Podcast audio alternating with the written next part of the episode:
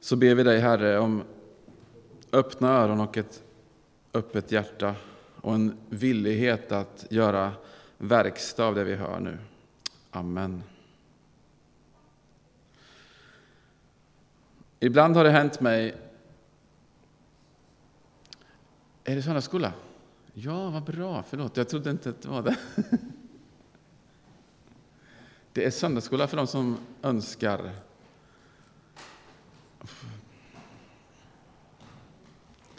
Ett litet söndagsskolegäng, gött.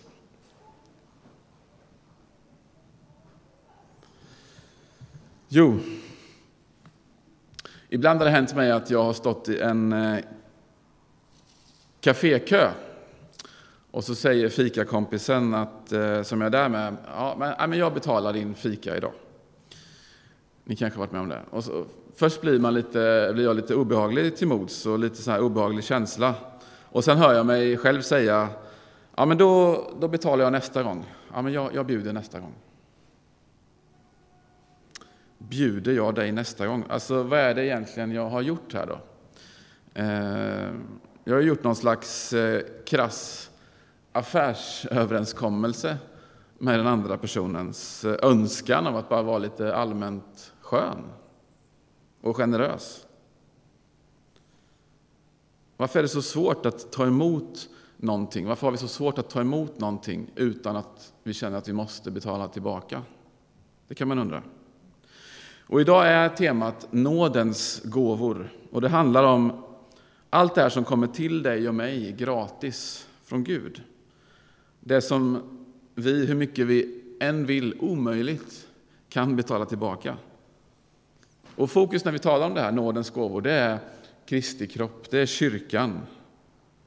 Det är där som gåvorna har sin växtplats och det är där som det gror. Och den här söndagen har som syfte att få oss att reflektera över det, över Guds stora generositet till oss människor. Också få oss att tänka på den här frågan, och hur kan jag ge vidare det som jag har fått gratis?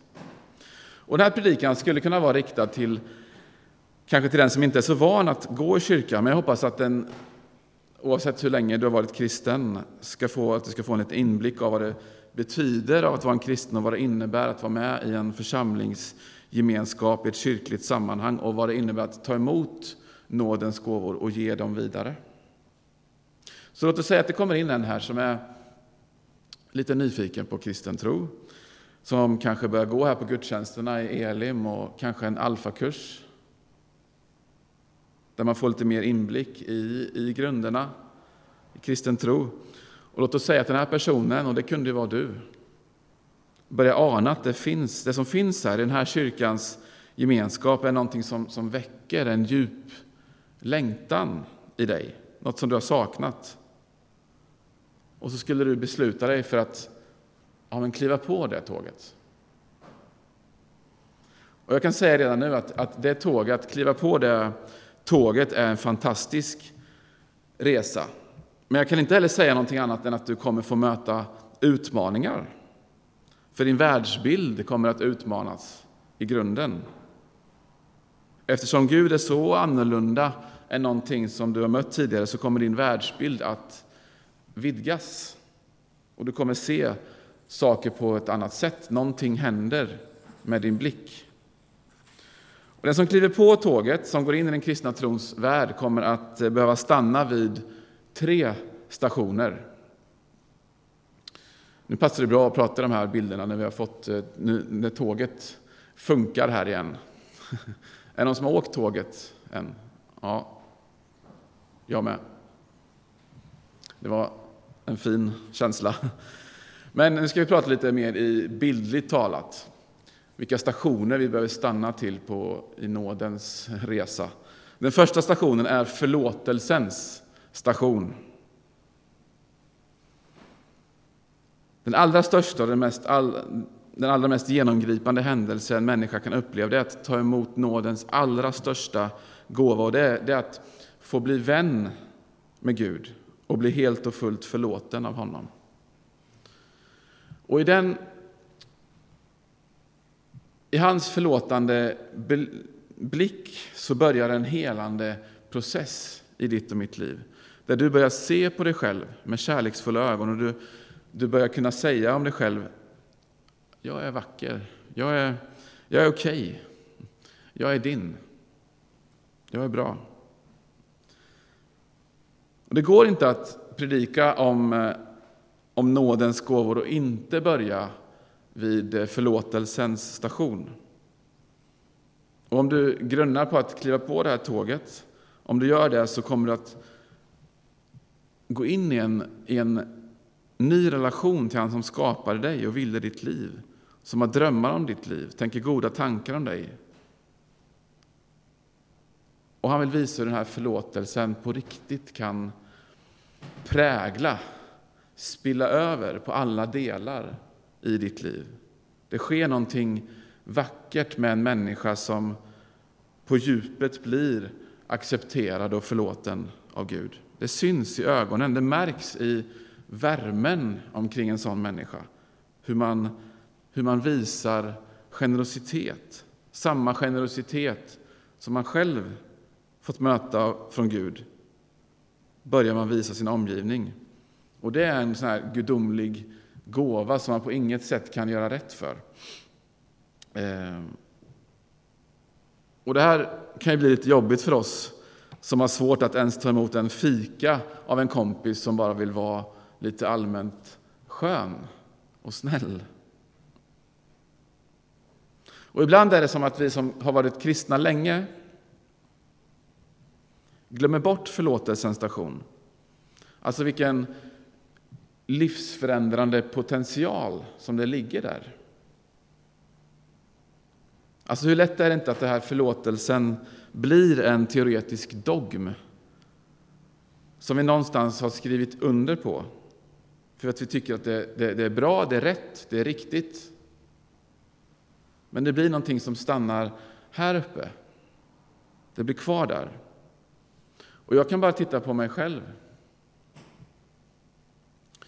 Alltså det händer någonting med mig när jag inte låter förlåtelsens gåva hela tiden eh, genomsyra mig, hela mig. Jag ser det tydligt. Fast jag inte vill det, djupast sett inte vill det, så blir min tro ibland teoretisk och stannar här uppe.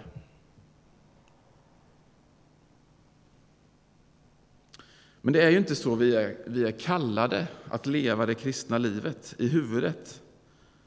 Vi är kallade att leva det kristna livet för andra människor i den här världen. Och ändå tänker jag ibland, är det värt det? Alltså den här cynismen kickar in. När jag driver bort från förlåtelsens station så kan jag se spåren av cyniskt tänkande. Och det gillar, jag gillar inte det jag ser där. Ja, men det är nog bäst, tänker jag, att jag håller mig på min egen kant. Jag bygger lite skydd kring mig själv så jag får vara i fred.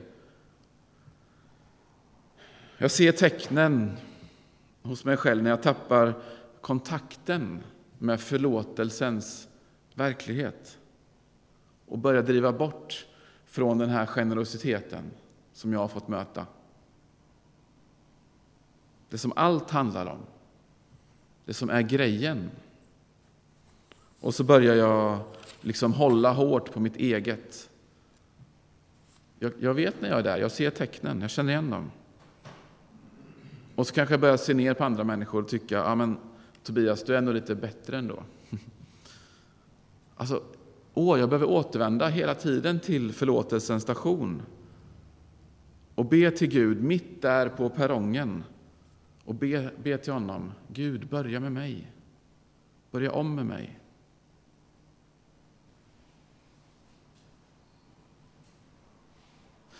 Den som är nyfiken på kristen tro kanske tänker, ja men här i kyrkan, den här kyrkan är full av människor som är ganska lyckade och tittar vi lite närmare på dem så får de hela den här ekvationen, livet, att gå ihop.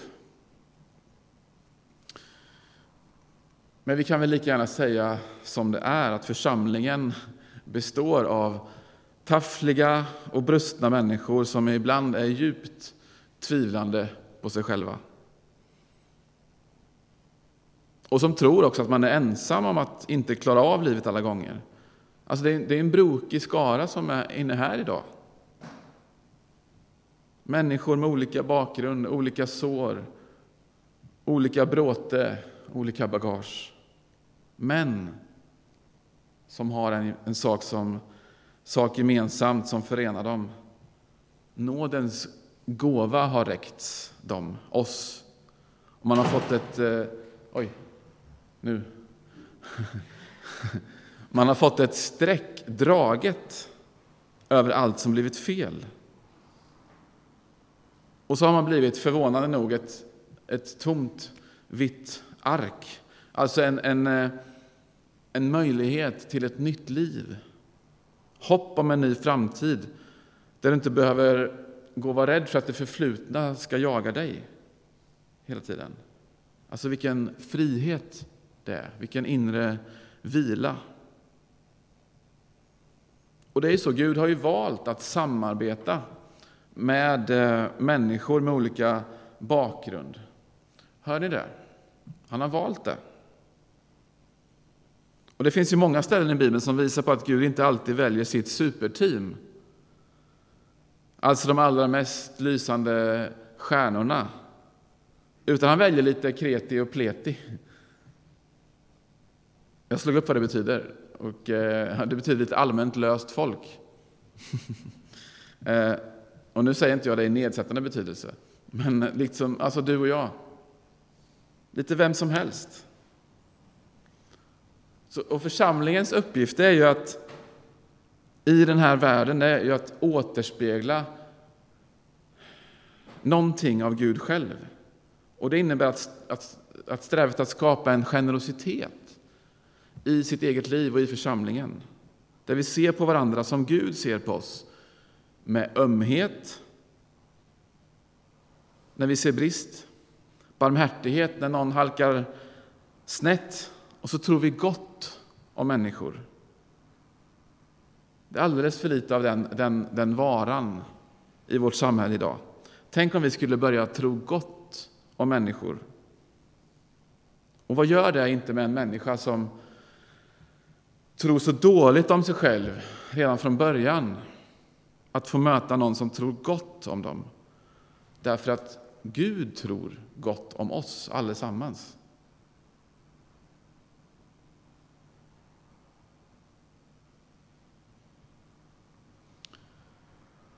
Och när Petrus i vår text här, som vi läste, som Gitta läste, frågar hur många gånger ska jag förlåta min broder? Ja, men det måste väl finnas gränser här, hör man nu nästan mellan raderna. Hur många gånger ska jag förlåta min broder? Hur många gånger ska han kunna göra orätt mot mig och ändå få förlåtelse av mig? Sju gånger? Tänk om någon stjäl din cykel utanför ditt hus sju gånger. Och så säger Jesus, du ska förlåta honom 77 gånger. Det är rätt utmanande.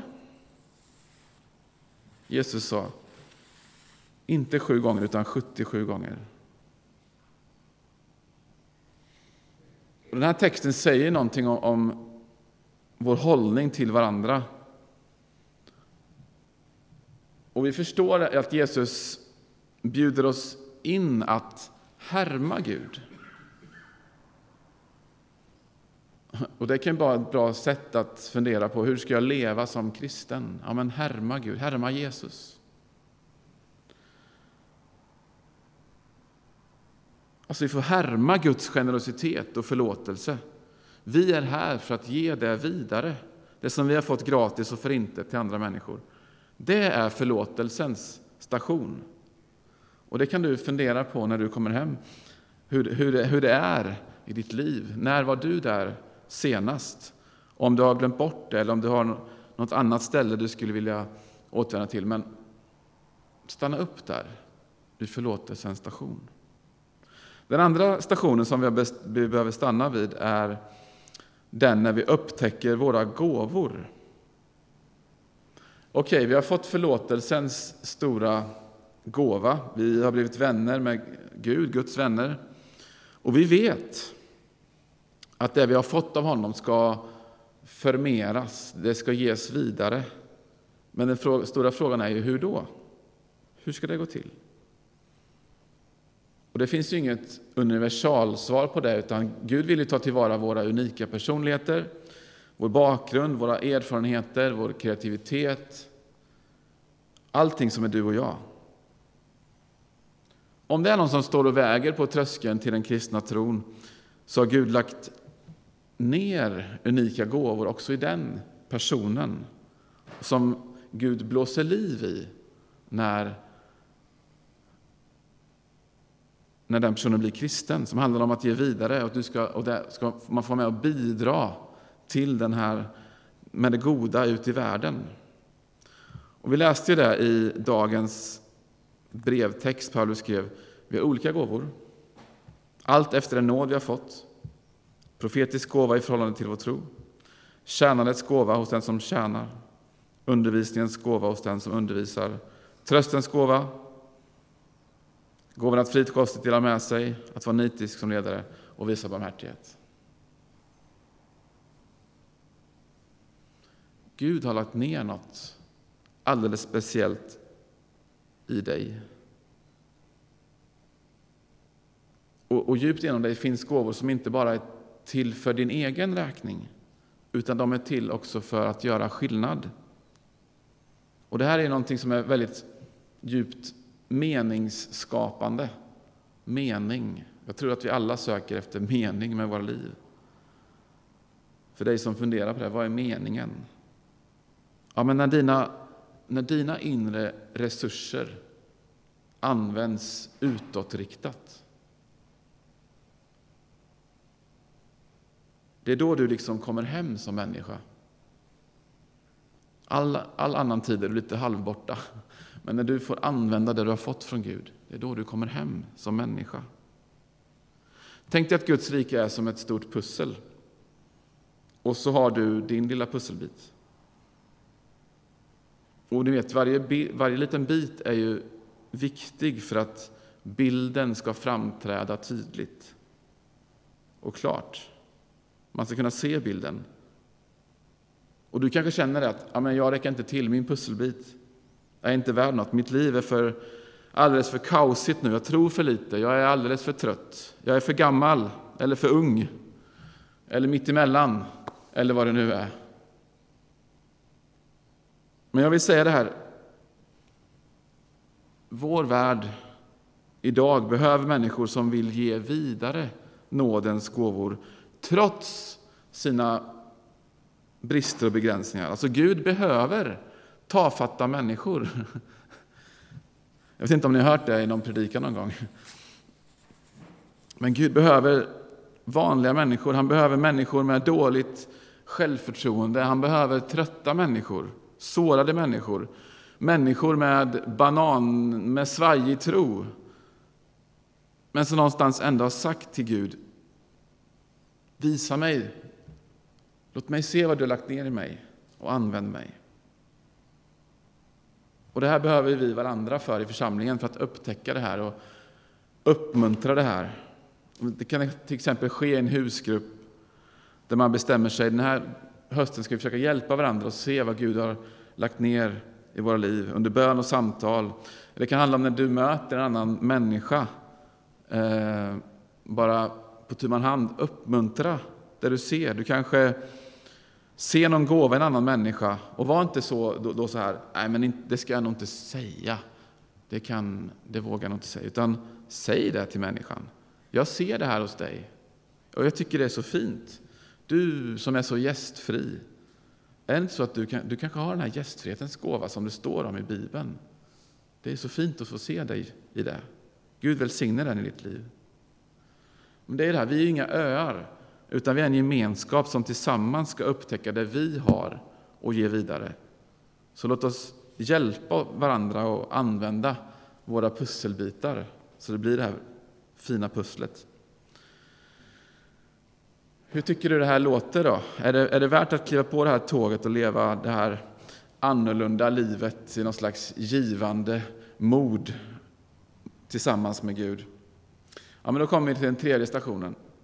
Det hjälper inte bara att vara, ha varit vid förlåtelsens station. Det hjälper inte bara att upptäcka mina gåvor, utan det handlar också om att, att, att gå. Den tredje stationen handlar om att ta aktiva steg och ge vidare. Och Det är ett viktigt beslut att, att ta, att, att börja i det lilla och, och drunkna inte i, i de krav som du, du, man så lätt ställer på sig själv. Utan man får börja i det minsta. Alltså, kanske den här bönen varje dag, liksom, Gud öppna mina ögon för behoven idag. Låt mig få vara en gåva från dig till andra människor. Hjälp mig att inte vara så självcentrerad idag. Alltså be Gud, att be Gud om öppnade ögon. Se människor som han ser människor. Låt mig få vara en gåva till andra människor. Det, det tycker jag är en fin bön att, att be, att bära med sig. Låt mig få vara en gåva. Hjälp mig att vara det till andra människor. Och en som fick vara det, jag ska sluta med ett citat här. En som fick vara det på ett väldigt så tydligt sätt var ju moder, moder Teresa. Och eh, där hon jobbade, vad det nu kallas, på det stället där de hade sin verksamhet i, i, i Indien, så stod det vid ingången en stor skylt och alla som kom dit och skulle jobba, som jobbade där och volontära där och sådär, läste på den skylten så här. Det stod, du har kommit för att tjäna Kristus i de svaga, de sjuka och de döende. Vi är glada och tacksamma över att du är villig att bli ett vittne om Guds kärlek i handling. Kom ihåg att det är Kristus som verkar i oss. Vi är bara verktyg för tjänst. Det handlar inte om hur mycket vi gör, utan om, utan om med hur mycket kärlek vi gör det.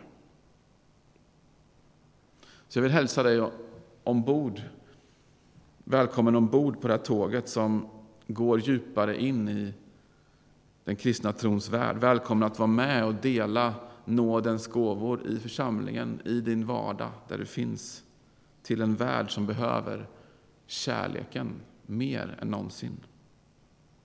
Amen.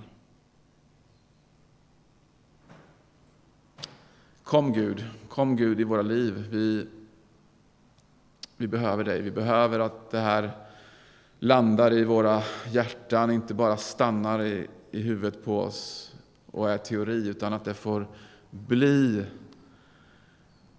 någonting som märks, Gud, i våra liv, i mitt liv. Det får bli kött och blod, att det får komma ut i händer och fötter, Herre. Att vi får möta varandra med kärlek, ta emot varandra, acceptera varandra och även andra människor som kanske världen ser som hopplösa. Men du, Herre, ser någonting annat. Hjälp oss att se med din blick, Gud, och ge vidare den här generositeten som vi själva har fått möta, Herre. Vi ber om det. Tack för att du vill tala till oss den här stunden. Och när vi går in i bön och tillbedjan, kom Herre, gör ditt verk.